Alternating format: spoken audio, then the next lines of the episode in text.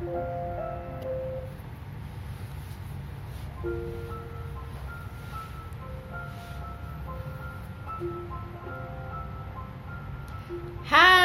ketemu lagi dengan aku Indah di podcast Happily 30 After. Wah, sudah sampai di penghujung tahun 2019. Kali ini aku ditemani oleh teman aku. Hai, aku Mira. Hai Mira.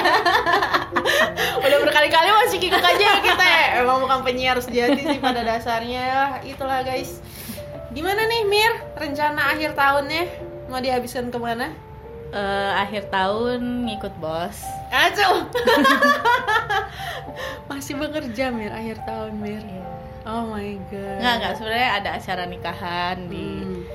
orang Nikahan kantor, siapa? orang Oh. kantor. Jadi ya udah Jadi dihitungnya ini adalah apa? on duty tetap. On duty ya. Perjalanan dinas. my god, ya. Ya akhir tahun teman-teman pada mana aja nih? Mudah-mudahan eh, di mana pun teman-teman berada, pergi ataupun di rumah aja ya. Yang penting menghabiskan waktu yang menyenangkan mungkin bersama keluarga atau mungkin sendirian ya.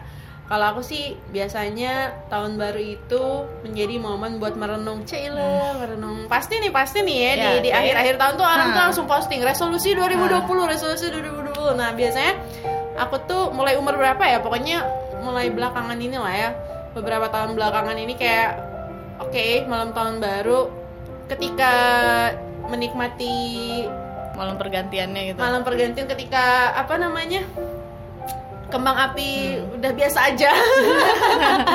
Dulu kan liat kembang api Iya. gimana gitu kan.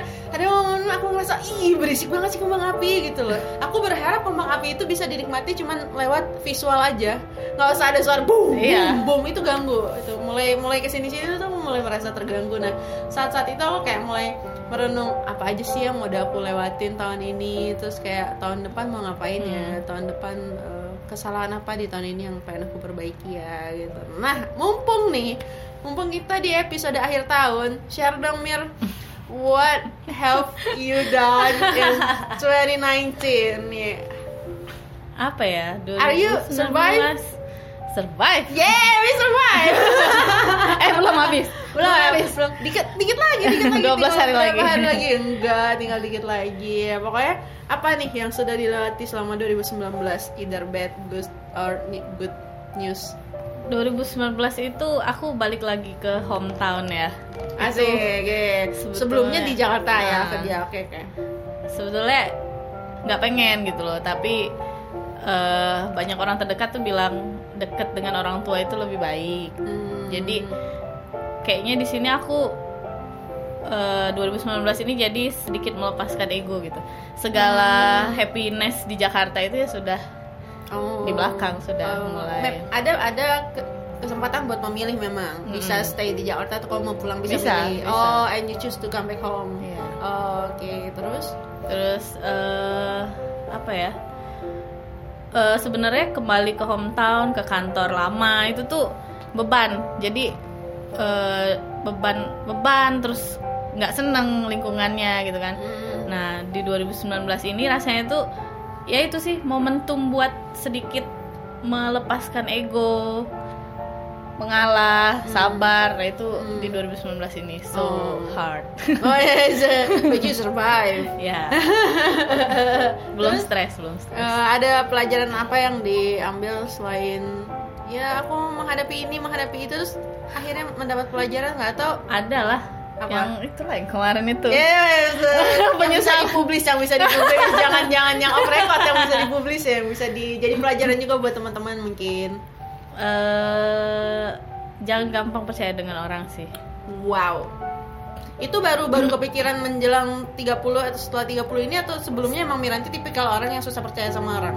Eh, pertama saya percaya tapi semenjak kejadian terakhir ini Hmm. itu bikin bener-bener yang wah ternyata orang itu bisa eh gimana ya kayak dulu waktu usia muda ya. Eh, masih muda gitu nih. Waktu- Beberapa tahun sebelum, 30. 30, Iya, ya, oke, itu oke. ketemu orang nggak sesulit ketemu orang sekarang kayaknya sekarang nih or- orang tuh penuh intrik. iya jadi apa ya semua pakai topeng gitulah Oh, Aku pakai- sadar ya. pak- pakai topeng topeng dengan menginginkan sesuatu dari kau atau Iya, topeng itu. aja walaupun nggak menginginkan sesuatu? Iya, ya semua maksud Oh, tapi oke. yang yang merugikan kita kan pakai topeng dan memanfaatkan kita itu. Ah, itu berasa sekali tahun 2019 Iya. ini. Dan Oh, menyadari itu. menyadari maksudnya eh, don't judge a book by its cover itu ya benar gitu loh. Hmm. Dan eh, omongan orang itu eh, zaman sekarang itu gini, pencitraan kan, pencitraan. Hmm, hmm, hmm, hmm. Orang itu bikin citra baik-baik, tapi ternyata di belakang itu tuh nggak segitunya. Nah, itu Hmm. aku ketemu di tahun ini. sebetulnya mungkin kita udah ketemu orang-orang seperti itu Hmm. dari bertahun-tahun yang iya, lalu. iya. Cuman mengha- menghadapi permasalahan yang pelik dengan orang-orang kayak gitu tuh baru, Baru belakangan ini. ini. dan kita baru Tahun sadar ini. gitu. Tahun ini terberat sih, Tahun perubahan ini. banyak aku. Wow, wow, wow, wow. Tapi I survive. ini apa mungkin eh, kita juga mulai menyadari bahwa kalau dulu mungkin ya udah sih nggak apa-apa selama nggak merugikan kita Hmm. orang pakai topeng terserah tapi sekarang ih males banget ngapain sih Iya. gitu ya gitu ya untuk sekedar nggak nggak perlu berhubungan secara langsung untuk ngelihat aja tuh males gitu ya kayaknya ya Hmm. makin ke sini gitu orang-orang pakai topeng ngapain sih Ih, Iya. bullshit lo Terus gitu. ini eh, entah ya, aku kan aku selalu bilang kan, kayaknya aku makin tua, merasa tua, fisikku tua. sakit punggung guys. Perjalanan dinas sebulan full, jadi aku sakit punggung, jadi se- selalu merasa tua gitu loh. Walaupun sebetulnya di di lingkungan kerjaku itu banyak ya seusiaku atau lebih. Mhm. Tapi aku selalu merasa mereka tuh kekanak-kanakan. Jadi ketika mereka Oh. mulai berulah, aku selalu ngomongin ya sama partnerku atau temanku yang cocok ya yang Hmm. masuk gitu. Eh, aku bilang sudahlah bocah gitu loh. Sekarang Oh, tuh iya. ngomongnya gitu. Sudah bocah, nggak level ngeladenin. padahal bisa jadi umurnya lebih tua daripada Iya, kita oh iya. gitu Atau seumuran. Hmm. Jadi aku tuh yang aduh ngeladenin omongan-omongan omongan-omongan dibuat-buat, Hmm. bohongan-bohongan yang fitnah-fitnah atau gibah-gibah yang itu tuh kayaknya di usia 31 ini tahun 2019 ini itu kayak nggak ngefek Hmm. kayak ah sudahlah gitu Kalau dulu tuh langsung dimasukkan ke baper hati gitu ya. baper sedih Oh. bad mood nah, sekarang tuh udah alah bocah sudahlah gitu Oh, Nggak udah kebal, udah kebal. nggak level ngeladeninnya gitu Oke, oke, oke, oke. Aku masih susah sih. Kadang-kadang, kadang-kadang kayak masih butuh waktu itu. Kalau misalnya ada ada momennya aku buat menahan diri, menahan emosi, terus aku diam, aku pikir ya iya ngapain sih gitu loh. Hmm. Tapi kadang-kadang tetap melampiaskan juga. I'm still trying. Gitu. Kalau kau udah bisa ya, no, gua nggak mau ngabisin waktu buat baca Iya. kayak gitu. Udah, Nah, udah bisa. aku ya. memang marah-marah tapi untuk melampiaskan ke orang itu sudah nggak kayak dulu yang langsung eh kau ini, ini atau lo ini nih kalau sekarang tuh udah yang ah sudahlah gitu loh Ah, melampiaskan ke tempat lain. Iya, bercerita Oh, misalnya cuma oh. gitu mengeluh bercerita. bukan bukan marah nonjok Iya, marah nunjuk bad mood segala macem. Oh, Oke oke oke oke. Itu itu jadi beberapa pelajaran yang ditangkap di 2019 ini bahwa eh, mulai menyadari orang-orang yang pakai topeng dan dan give a fuck about them gitu ya. Oke oke. Nah, eh, kemudian apa sih yang pengen dicapai Mir di tahun depan atau mungkin ada nggak sih di di di tahun ini tuh kau menyadari oke aku next harus gini nih S2. oh gitu Karena sudah banyak yang support sih, atasan-atasan udah banyak yang support. Jadi Hmm. kayaknya kamu terlalu stres, over stress.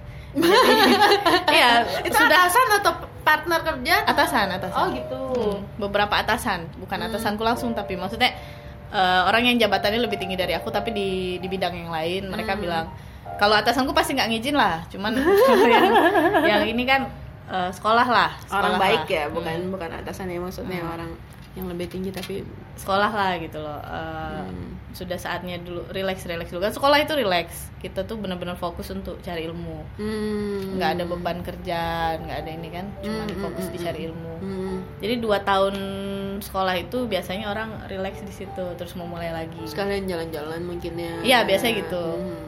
walaupun kuliah tuh ya stres-stres juga sebetulnya Iya. tapi mungkin karena kita udah pernah S1 kan jadi kayak udah tau lah udah udah mempersiapkan diri sejauh apa nih buat rencana ke depan? Aku sih sudah berencana ambil apa tema tesisnya nanti. oh kampusnya udah udah ini juga? Belum. Justru kampusnya belum? Justru kamu saya belum karena banyak banyak saran-saran yang nyuruh Jepang lah, Belanda lah, Australia lah. Jadi aku masih galau di situ. Jadi tapi untuk nanti tahun baru ini 2020 ini buka pendaftaran ya aku daftar semua yang mana yang Oh, nyantol. mau. oke oke oke. rencana ada ngajuin beasiswa atau beasiswa oh beasiswa jadi masuk masukin ke kampus-kampus dan masukin ke beasiswa beasiswa juga Heeh. oh mantap ya ayolah Ya gitu.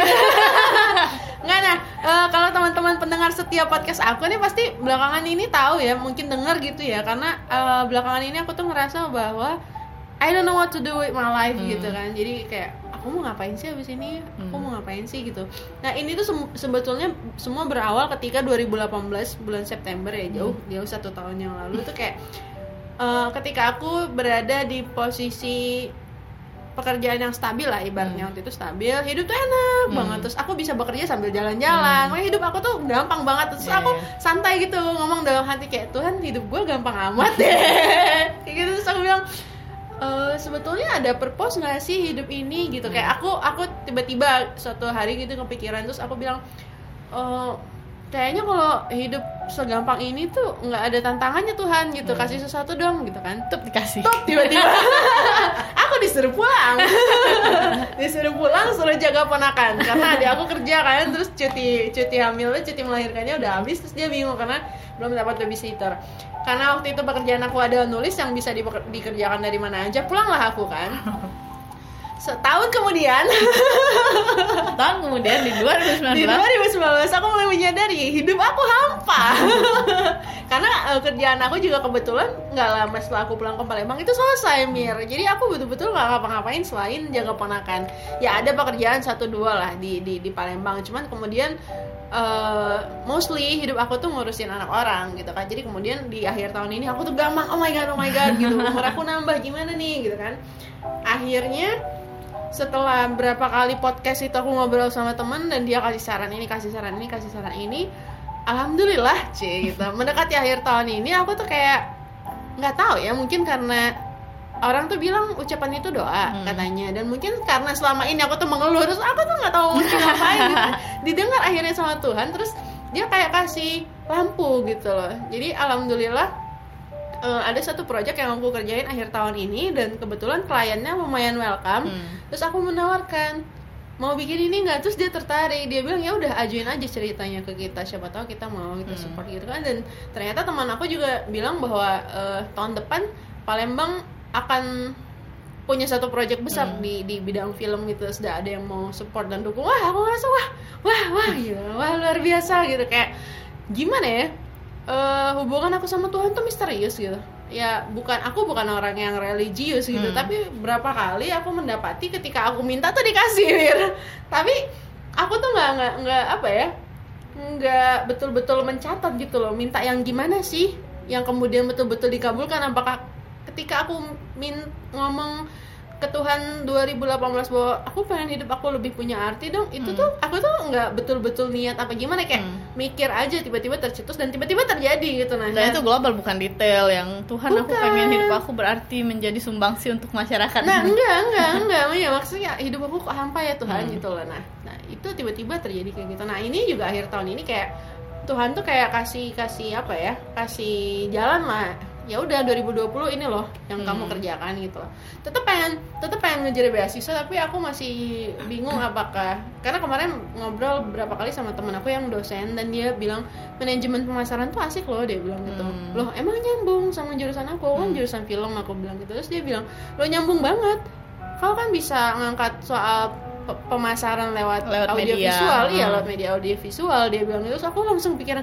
iya ya aku kan memang pengen mempelajari bagaimana Korea Selatan menjual dalam tanda Iya, petik iya. menjual dirinya dengan sangat baik itu kan Hmm. manajemen pemasaran Hmm. dan mereka mostly ngejual lewat K-drama, lewat K-movie, lewat K-show gitu itu kan ilmu baru juga jadi pengetahuan baru kan jadinya pengetahuan ah, jadi dia bilang eh kenapa enggak gitu kan kau bisa S2 di Korea dia bilang Hmm. gitu terus dia bilang ada kok orang Malaysia yang sampai tesisnya sampai S2 nya dibayarin sama dibiayain sama Korea Selatan Hmm. gara-gara dia ngangkat hal yang serupa langsung wah interesting gitu tuh Hmm. tapi begitu tahu bahwa S2 manajemen itu aku nggak bisa milih cuman manajemen pemasaran aja tapi aku harus belajar manajemen keuangan juga Hmm. manajemen perbankan juga tuh aku kayak aduh selama ini aku tuh kenapa aku masuk ke sini? Karena aku menghindari hitung-hitungan kayak gitu kan. Jadi kayak ter tergamang tergamang tapi ya udahlah Eh, aku tuh mikirnya kayak S2 aku apakah mengejar sebuah jurusan yang dibutuhkan oleh Hmm. banyak kampus?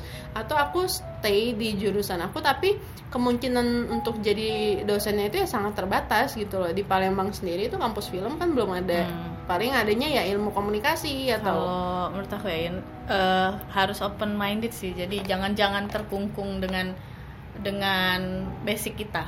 Kalau menurut aku loh. Hmm. Jadi aku tuh mikir gini, kayak aku contohnya kan kerja di yang kayak gini instansi pemerintah. Mm, Ya aku cuma di bidangku konstruksi gitu. mm, Di situ terus teknis, teknis, teknis, engineer, engineer, engineer. Nah satu sisi terus aku mikir sebetulnya aku seandainya dulu aku kepikiran ambil S1 teknik ini dengan S1 hukum maksudnya double degree Iya, maksudnya barengan karena hukum itu penting di bidangku. Jadi aku tuh- ternyata Hmm, jadi kalau kalau pikiran sempit kan kita cuma mikirkan teknisnya aja. Mm, Tapi ternyata eh, eksternal dan internal itu banyak konflik. mm. Eksternal dari luar itu ya kita perlu perlu counter attack-nya itu dengan hukum. Kita harus tahu hukum. Jadi kita nggak bisa mempelajari hanya basic. Memang memang ya apa ya Tapi kan waktu dulu waktu Miranti S1 kan nggak tahu bahwa Iya, nantinya. makanya eh, makanya sekarang tuh aku mikir, aku juga pengen jadi pengen ambil hukum gitu loh. Oh, S1 lagi?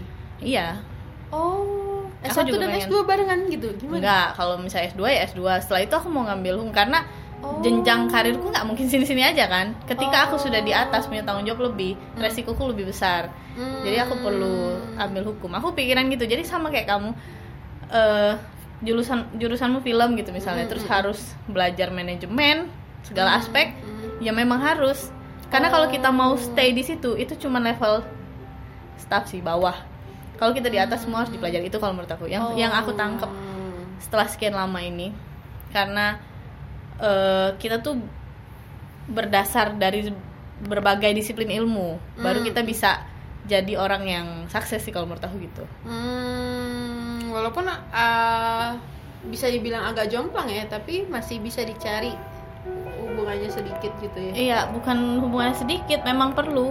Sebetulnya segala aspek tuh perlu tahu hukum, tapi untuk konstruksi yang apa ya, jadi sorotan di negara kita ini, Oh. yang lagi gencar-gencarnya pembangunan, itu hukum itu ya harus dipelajari gitu loh. Dan aku ngerasa orang hukum tuh diperlukan sebetulnya. Hmm. Tapi kalau misalnya kita cuma mengandalkan orang, ya nggak selesai masalah. Harus kita benar-benar ngerasain sendiri kan, mempelajari sendiri. Kalau orang bilang bisa lah dipelajari dari buku, enggak. Sekolah atau itu ambil satu orang yang bisa kamu percayai ya mengerti hukum. percaya orang itu kan susah. Misalnya kita Hmm. ambil apa kuasa hukum gitu-gitu ya. Hmm. Selain kita membayar, Hmm. kita juga ada hal-hal yang kita orang itu nggak ngerasain apa yang kita rasain. Kalau kita sendiri punya ilmu sendiri, kita bisa sol- solusi sendiri gitu loh. Cari solusi sendiri itu kan lebih enak. Walaupun tetap pakai kuasa hukum. Oh gitu. semua atasan-atasan aku kayaknya itulah mereka mempelajari hukum tapi tidak sekolah berbeda Oh. dengan sekolah ini kalau menurut aku ya bukan masalah ijazah tapi sekolah itu tempat orang-orang yang tahu ilmu Hmm. jadi aku bisa memanfaatkan mereka Oh. untuk dapatkan ilmunya Ini apa namanya istilahnya tuh batu loncatan ya, Hmm. bisa shortcut lah gitu. Ada teman aku yang bilang kayak gitu sih.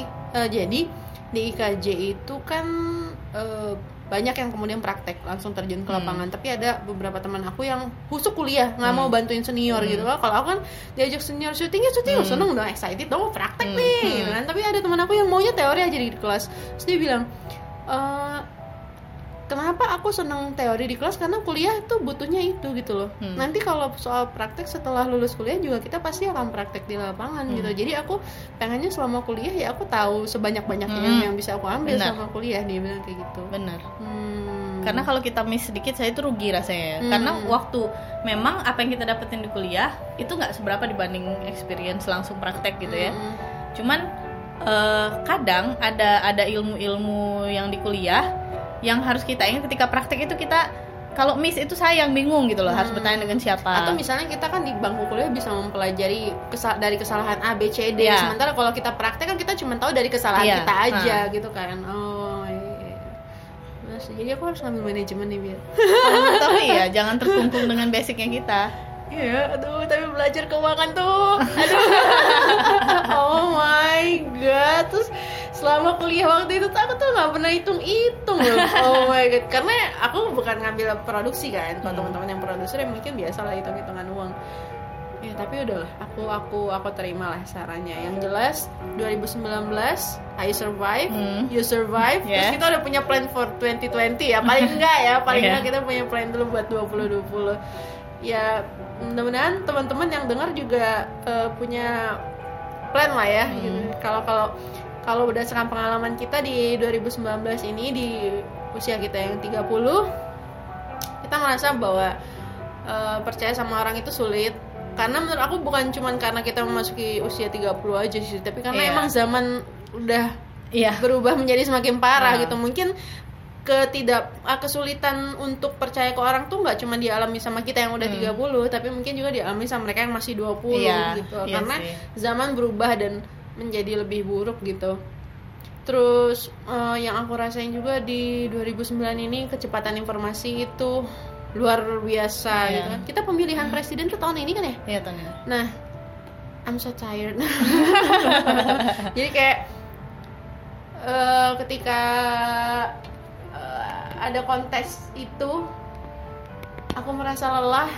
Ketika gimana ya? Aku merasa kayak tahun ini tuh banyak banget hal yang terjadi dari terjadi langsung Yep. ke diri aku sendiri dan terjadi di sekitar kita Yeah. di dunia gitu ya. Tahun ini pemilihan presiden heboh, terus juga Greta Thunberg juga mulai maju dengan gerakan dia yang mulai besar. Kayaknya dia udah mulai protes tuh dari beberapa tahun yang lalu, kayaknya dari 2018 ya, tapi kayak mulai menjadi global hmm. gelaka- gerakannya itu di 2019 terus baru-baru ini juga Presiden Trump Eh, di iya. impeach itu aku Luar lagi biasa perjalanan ini, dinas bukakan Metro TV atau Eh. CNN atau apalah itu Eh. seret baca sekilas sekilas headline-nya kan Iya. wah ini apa ini belum sempet aku terus kabur ke lapangan itu iya loh luar itu luar biasa dia Eh. anehnya am- ya gimana ya negara adidaya gitu ya memilih satu orang terus mau dijatuhkan dalam kurun waktu berapa tahun Hmm. itu kan kayak lelucon gitu Walaupun Eh. banyak yang bilang impossible karena ya ada orang Republik juga kan. Ya, nothing is situ. impossible sih Oh iya oke oke. Tapi yang jelas aku- aku seneng sih Greta versus Trump luar biasa. Ya, ada banyak tokoh yang menginspirasi. Kemudian tahun ini juga eh, apa ya?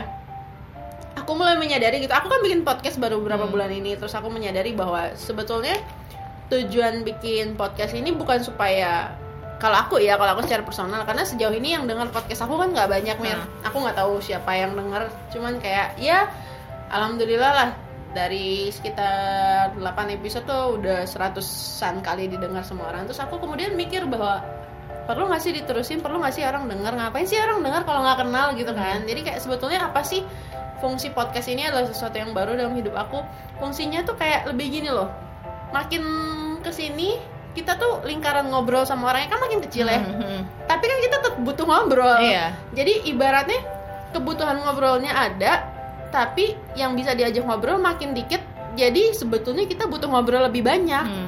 Nah itu aku temukan ketika aku bikin podcast ini tuh adalah momen aku bisa ngobrol Hmm. lagi sama teman-teman yang udah jarang aku ajak Hmm. ngobrol gitu dan kayak kayak lebih ke dapat pelajaran hidup dari mereka dapat inspirasi dari mereka nah kemudian mungkin eh, ada teman-teman yang apa ya kayak ini tuh makin ke sini kan apa yang kita lakukan tuh semakin sedikit ya Hmm. sedikit tapi intens gitu loh kayak misalnya ya jarang olahraga karena fisik udah mulai lemah tapi sekalinya olahraga ya gitu Hmm. gitu kan. Terus kayak misalnya jarang ngobrol tapi sekalinya ngobrol tuh maunya dalam. Dalam.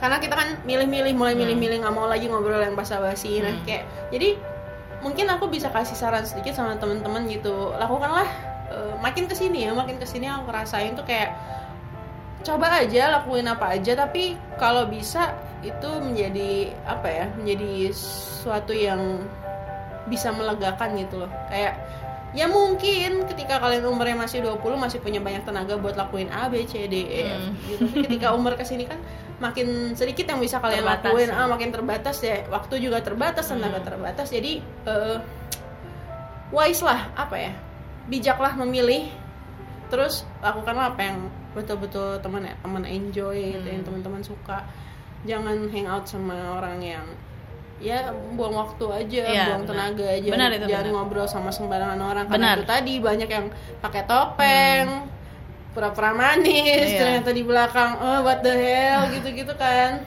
itu Jadi, kayak mulai hapus eh katanya kan kalau makin tua circle makin sempit Mm, makin mm, mm, kecil terus eh, apa ya ya itu tuh berimplikasi berimplikasi pada kepercayaan berarti hmm, orang-orang yang kita percaya untuk bercerita itu semakin kecil jadi Mm-mm. oke lah kalau basa-basi mungkin ya apalagi orang yang dengan lingkungan kantor ya basa-basi eh ini jalan-jalan sesekali oke lah Hmm. untuk sosial mungkin ya. Mm.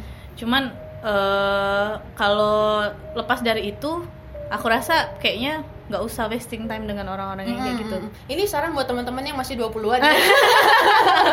Karena kita sudah menjalani itu, Ah. jangan melakukan kesalahan yang sama. Iya. kayak eh, hargailah waktu kalian. Jadi makin ke sini tuh kayak ya udah sih daripada kumpul-kumpul sama teman kongko nggak jelas mendingan di rumah Hmm. baca buku ya kan atau atau spending time with your family Iya. gitu kan jadi eh, apa ya kayak nggak ada salahnya juga kalian 20 tahunan tapi nggak rajin kongko gitu Hmm. loh. Ya mulai dipilih-pilih aja sih. Kayak misalnya lakuin hal yang Aku- yang berguna. aku nih mau ngomongnya cuma malu. Yang aku bukan seselin ya yang kadang terlintas. Seandainya di usia 20-an aku gini gitu loh. Apa tuh? Jadi eh, pengennya aku tuh di us- du- ah, gi- waktu usia 20-an ya aku tuh lebih merawat diri menghargai diri oh ya Iya. kayak ke salon gitu olahraga gitu atau gimana iya atau jaga salon makanan olahraga jaga makanan karena Serius, apa Wi? itu 20 investasi kesehatan serius enggak di di usia 20 tahun kau udah menjaga itu Enggak, Oh, enggak, makanya enggak. Iya, iya, makanya iya. itu yang aku dong, sama dong. selalu seandainya, walaupun Mm-mm. seandainya udahlah udah lewat kan. Mm-mm. Cuman yang aku pengen pesen ke orang-orang yang usia 20-an tuh mulailah aware bahwa eh, waktu tuh lewat gitu aja. Jadi manfaatkanlah untuk kesenangan, terus merawat diri, Hmm, kesehatan hmm. itu harus dipikirin. hmm. Yang aku tuh pernah coba-coba jaga lingkungan kalau bisa ya Iya, kalau bisa Kalau itu semua umur kayaknya harus ya. Cuma maksudnya ke- yang kita akan sesali kalau kalau itu dari umur 20 harusnya udah pada nyesel dari TK harus sudah jaga lingkungan kalau itu. nah, orang Indonesia belum ya itu jadi mulailah merawat diri, mulai menyayangi diri. Mental Yang- juga loh Iya. Iya. Jadi jangan merokok ya sadar-sadarlah karena oh, betul betul makin tua ya gitulah. Ya kemarin ya dinas makan durian langsung sakit punggung Sakit punggung. kok hubungannya ke punggung nggak tahu kolesterol kayaknya kolesterol Oh. naik kan ke belakang ini kalau ada bapak-bapak usia 40-an rata-rata ya 40-an ya yang bos-bos ini itu mereka langsung minum obat coba Oh. orang zaman dulu 50 masih bisa makan durian. Hmm. aku punya WI WI Widya Iswara guru apa dosen apa yang ngajarin kita gitu ya kalau Hmm. di instansi. Itu dia umur 74 dia makan durian. Di saat aku, Aku udah umur nggak bisa 31 That's why aku bilang orang zaman dulu lebih menjaga kesehatan mungkin ya. Atau kebetulan bapak itu aja nggak tahu. Hmm. cuman dia 74 tahun dan dia masih bisa makan durian. Aku maunya aku Iya, 74 tahun dan aku masih bisa menikmati durian. Makanya sejak saat ini olahraga itulah yang di pikiran aku. Cuman karena umur segini masih meniti-niti karirnya mengambil Hmm. mengambil pekerjaan sebanyak-banyaknya Hmm, hmm. ya memang agak sulit tapi harus kita sadari ya di waktu-waktu senggang ya tetap harus Hmm, aku jadi ingat nih satu hal yang aku juga sesali dari di nggak aku lakuin dari umur 20 tuh ya itu tadi hidup aku tuh ke sana ke sini ke sana Hmm. ke sini Bang Ambing. Di saat orang meniti karirnya sedikit sedikit dan saat dia umur 30 tuh udah punya karir yang settle gitu. At least kayak teman aku Rizko kemarin tuh dia udah menemukan karir yang dia suka pekerjaan Iya, dia iya. suka lingkungannya dia suka. Nah aku tuh belum menemukan itu. Jadi aku tuh agak terlambat gitu. Harusnya ketika aku di usia um- di usia 20-an itu udah betul-betul apa ya fight gitu sama karir aku at least aku udah tahu aku mau ke sini dan aku udah punya link udah punya jalan ke sana. Bukan baru mau mulai sekarang gitu. Hmm. walaupun Rizko bilang di luar negeri ada yang udah usianya 35 terus dia mau S1 lagi mau mulai karir lain lagi dari bawah nggak masalah. Tapi kan ini Indonesia gitu. Iya. Ketika kita udah usianya berapa orang tuh akan lihat usia itu sangat berpengaruh sekali gitu. Apalagi kalau kita mau mulai lagi dari bawah gitu kan. Makanya itu di di luar negeri ada satu orang yang 35 tahun tapi tidak bisa disamaratakan gitu loh tetap kita 20 tahun tuh harus sudah bersiap-siap supaya 30 tahun nanti kita sudah settle gitu loh mm-mm. dan dan kejadian kita ini eh ya aku harap sih anak-anak yang denger di Tapi kapan 20-an udah settle, Mir? nggak maksudnya yang penyesalan aku yang Hmm. tentang kesehatan Hmm, hmm, hmm. aku pernah sakit parah dua kali dan itu bener-bener karena kebiasaanku sendiri Hmm. jadi kebiasaan maksudnya tidak jaga kesehatan gitu ya Mm-mm. Jadi di opname di rumah sakit pernah dua kali. ya dua kali dan itu aku lagi merantau di Jakarta dua-duanya Uh, aku juga pernah tuh sakit sakit di Jakarta jam 3 pagi. Aduh, aduh, gue mau ke rumah sakit sama siapa nih, gitu kan? makanya sedihnya sedihnya dan langsung yang oh my god seandainya aku lebih jadi sekarang ketika sakit kayak gini doa aku tuh cuma ya Allah sehat please sehat please karena banyak yang harus aku lakukan gitu loh jadi So, aku jadi kepikiran dulu beberapa tahun, eh, enggak, tahun kemarin kayaknya. Eh, 2018 dia 2018. Aku tuh mikir gini, aku mau ngumpulin duit, terserah datangnya dari mana aja, yang penting halal, oke lah tetap ya. Eh, ngumpulin duit, punya tabungan terus mati muda aja. Jadi nggak ngerepotin siapa-siapa Nah. gitu kan. Aku belum berkeluarga, aku belum punya anak, nggak ada yang aku tinggalin gitu kan. Aku tuh sempat mikir gitu, makanya aku nggak peduli. Sa- makan apa nih aku pikir ya gonna die young tapi sekarang kayaknya kayaknya aku masih akan hidup lama terus kalau misalnya aku akan hidup dikejar. iya kayak kalau hidup lama tapi sakit-sakitan gitu kan nyebelin banget ya Hmm. jadi kayak dulu tuh aku tuh hidup untuk sekarang bener-bener hidup Iya. untuk sekarang gitu loh dan mostly anak usia 20-an eh, apa ya postin berarti ya setelah masa ABG-nya gitu kan. Mm-mm. itu kan lagi merasa dewasa dewasanya in.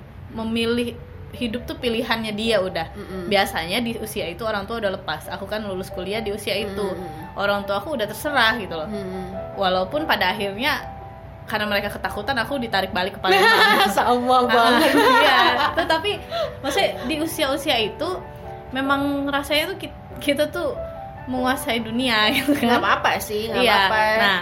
lakuin kesalahan sebanyak-banyaknya Iya, usia memang, itu aja memang. gitu Nah, tapi satu hal yang kesalahan-kesalahan yang sudah pernah dilakukan oleh orang yang senior lebih duluan gitu ya harusnya jadi pelajaran. Yang paling penting buat aku tuh kesehatan. Yang aku sesali sangat sesali itu kesehatan sih. Jadi olahraga itu kan simple. Sekarang harus mahal gara-gara ya kan? Dulu itu simple. Di usia muda itu banyak sekali yang bisa kita lakukan. Eh, Sekarang udah tua ini harus bayar. ya kau nge-gym sih olahraganya ya, Ya kan kan, bisa karena jalan waktu kaki terbatas. Oh, oke oke karena oke, waktu oke. terbatas karena kita harus cari uang kan akhirnya uang itu juga keluar gitu loh jadi dihabiskan untuk menjaga kesehatan tapi kemudian kesehatan kau Iya. tergerus lagi karena buat cari uang terus Iya. aja kayak gitu terus eh, akibat makan yang semena-mena di zaman muda. Karena merasa udah pegang uang iya. sekarang. Sekarang nggak waktu yang awal-awal kerja masih ya gaji UMR kan? Hmm. itu kayak yang Sayang. biasanya dapat uang bulanan dapat gaji yang segitu makan semena-mena lah. Oh. junk food junk food junk food. Hmm. sekarang guys kalian harus bayar mahal untuk beli sayur. Salad itu mahal. Ya, daging makannya dada salad, ayam. Hey, beli gado-gado aja. Hello, come on. Atau masak sendiri beli di pasar gimana lebih murah Mir? Jangan dengerin yang barusan ya Kiranti tuh makan sayurnya salad doang. Kalian harus lebih kreatif mencari sayur yang murah. Apalagi nih? Lah, saran kita bukan cuma buat teman-teman 20-an ya, mungkin ada teman-teman 30-an yang baru menyadari bahwa oh my god kesehatanku. karena Ya, kita akan melewati 40-an juga gitu loh Iya, tadinya aku pikir aku nggak akan sampai 40 nih, nggak tahu sih ya. Tiba-tiba nanti aku apa atau apa gitu. Tadinya aku berpikir aku adalah orang yang hidup di masa sekarang. Tapi Eh. ternyata sekarang tidak aku mau selamanya. nanya nih 2020 nggak ada resolusi untuk merit Kau Mir, nggak serius? Kayaknya enggak deh Kalau tiba-tiba ketemu seseorang berandai gitu. jadi ya oke lah resolusi merit berarti eh Nggak, apa ya nggak, nggak, nggak, nggak mesti diresolusikan, tapi kayak tiba-tiba ada Are you ya ready? kawin lah tapi maksudnya itu fleksibel jadi bukan bukan aku akan berusaha untuk itu gitu Oh, loh sama dong. Tinder kayak atau Hmm. taruh atau apa gitu gitu aku nggak Hmm, hmm. beda ya kalau S2 kan kita daftar sana sini Oh. dikejar ini tuh aku nggak ngejar kayak tahun depan Hmm. Kalau tahun ini kan aku harapannya akhir tahun ini kan Oh, gitu. Iya kan tapi kan di bulan Februari itu kan Asik. ternyata semua kacau jadi Oh di awal tahun ini ya Iya. udah ininya. Aku aku udah tiga tahun yang lalu sih. Nah, oh satu lagi selain Donald Trump yang di impeach, ada satu kejadian besar juga yang terjadi di tahun Oh. 2019 ini. Mantan gue nikah. oh my god, a lot of things happen 2019 banyak banget sih Iya loh. kejadian luar Iya. biasa tahun aku ini loh. berencana mau kawin nggak jadi. Ya sebenarnya itu sesuatu waktu itu ya. Sekarang kan udah udahlah gitu. Ya Februari juga udah move on ya, udah, udah move ya. on. Tapi maksudnya banyak itu kan masih masuk kejadian. 2019 ya. Hmm, hmm. Menangis di pinggir pantai di Lombok. Yes. Lombok banget lagi. Iya, pokoknya tahun ini banyak kejadian yang luar biasa ya. Hmm. Banyak pelajaran juga didapat, terus juga melalui podcast ini akhirnya aku menghubungi lagi teman-teman yang jarang aku ajak Hmm. ngobrol. Jadi alhamdulillah kemudian aku eh, tahu bahwa ini loh my circle of friends ya. itu ya berapa berapa apa ya yang pengen kita share ke teman-teman resolusi 2020 menikah aku juga nggak punya sih Nah. tapi kalau misalnya ada jodoh dan Tuhan bilang ya udah terima tapi bukan berarti aku mau melepas semua rencana aku sekarang kayak Ya. Nah kita pernah ngobrolin ya pernikahan impiannya Hmm. bahwa kita adalah perempuan-perempuan yang sudah menikah tapi masih tetap ingin bekerja gimana pun caranya. Udah nonton Kim Kim Jiong juga kan? Salah satu film Korea yang bagus banget tahun ini tentang perempuan teman-teman yang belum nonton, Ah, yang mungkin masih itu. ada di kotanya silakan nonton Kim Jiong. Itu kayak ngasih gambaran bahwa setelah menikah dan punya anak hidup kalian akan berubah. Alhamdulillah aku sudah mengalami itu ya maksudnya walaupun bukan anak sendiri aku jaga ponakan tapi paling Hmm. enggak aku udah punya bayangan kayak gini nih rasanya punya anak itu filmnya mungkin buat orang-orang yang ini datar ya datar Maksud gitu orang-orang ini gimana? orang-orang yang apa ya biasa main nonton action ya kan itu kan datar Oh, flat banget, boring flat, gitu ya. ya. cuman maknanya itu dalam sih kalau menurut aku Hmm. apalagi buat orang tapi aku rekomen ke salah satu temanku yang udah menikah dan gonjang ganjing rumah tangga juga serius terus dia nonton terus dia nonton dan dia bilang biasa aja aku pernah lebih sedih oke kalau untuk orang-orang yang kayak gitu. gitu ya kalau untuk orang-orang yang kayak gitu eh, biasa aja aku pernah ngelewatin tapi aku nggak stres aku survive gitu loh Hmm. jadi dia ya untuk orang yang pernah merasa lebih merasa pernah lebih ini ya kuat dia. Iya, jadi biasa aja. Tapi buat orang yang belum mengalami itu dalam sih kalau menurut aku. Dan prepare kita harus prepare juga Hmm. Kesehatan mental. Mm-mm. paling nggak satu pelajaran yang diambil eh, ketika menikah kita nggak bisa apa ya ketika ada ganjelan tuh harusnya ngomong dan semua direncanakan dari Iya. awal Hmm. gitu jangan tiba-tiba ya udah deh lihat nanti oh no no no big no nah, aku bukan orang yang lihat nanti sih. iya iya kalau urusan itu Nah. aku sih urusan hidup lihat nanti tapi kalau urusan itu nggak bisa aku tuh pernah pernah memutuskan seseorang karena dia nggak punya rencana lima tahun ke depan mau jadi apa. serius lima Iya. tahun mir Nah. oh my god Jadi aku tanya cuma gini, lima tahun ke depan nanti mau jadi apa? Aku tadi ketemu sama uangnya di, di mak aku makan bakso nih sore-sore, Hmm. eh siang-siang. Terus aku ketemu orangnya dan dia main PS di sebelah dong. udah seumuran, Jam kerja. seumuran kita Iya, seumuran aku. oh my god Jam kerja. Aku makan siang itu. untung kau putusin ya mir Jadi, hah? Apa ya? Itulah kenapa aku nanya sama dia, lima tahun ke depan mau jadi apa? mungkin gitu. mungkin ini tergantung orangnya juga karena kau merasa kayak aduh aku perlu menanyakan hal ini ke dia mungkin iya, kalau iya, misalnya iya. dia udah nunjukin Ah, itu iya, nggak usah betul, ditanya betul. ya, Ya, kan? karena aku nggak yakin makanya aku tanya dan Hmm. dia bilang belum tahu. Itu tuh kayak lima tahun itu lama loh. Hmm. Jadi bermimpilah setinggi tingginya gitu kan. Aku Dia nggak juga punya mimpi. Serius Vin? 20 20 aja dulu. nanti 20 21 mikirin nanti 20.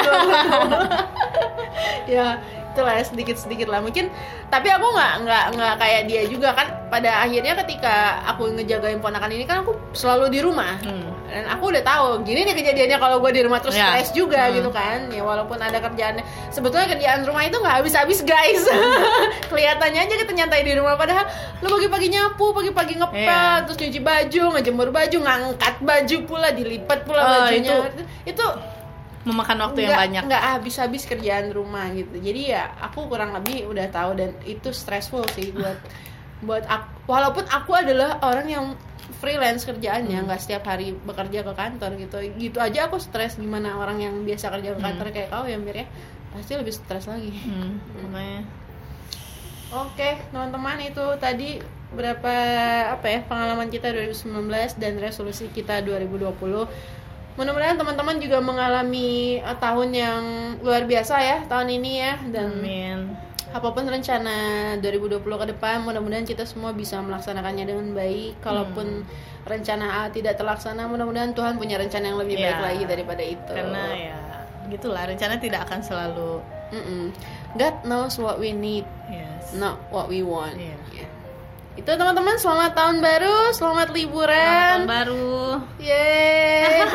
aku belum tahu apakah uh, in- ini kan aku membuat podcast ini season 1 ya. Hmm. Nah, aku merasa season 1 harus berakhir di sini, tapi belum tahu apakah season 2 akan segera dimulai karena aku mulai memikirkan itu tadi kayak impactnya bukan ke orang aku nggak tahu apakah podcast aku memberi impact kepada orang tapi kayak impactnya itu sejauh ini aku rasain tuh lebih kepada diri aku sendiri gitu aku Hmm. banyak belajar dari orang yang aku ajak ngobrol podcast gitu jadi aku akan memikirkan lebih jauh untuk apakah lanjut membuat season 2 ataukah dengan format yang sama atau format yang berbeda nantilah kita lihat apa yang akan terjadi Lanjutlah, I told you. Ini tuh salah satu kesenanganmu. Lanjutkanlah. nggak tahu kalau 2020 aku sibuk Oke. sombong ya itulah teman-teman terima kasih sudah bersama saya di beberapa bulan ini Happy 30 After season 1 selesai sampai Bye. jumpa selamat tahun baru dadah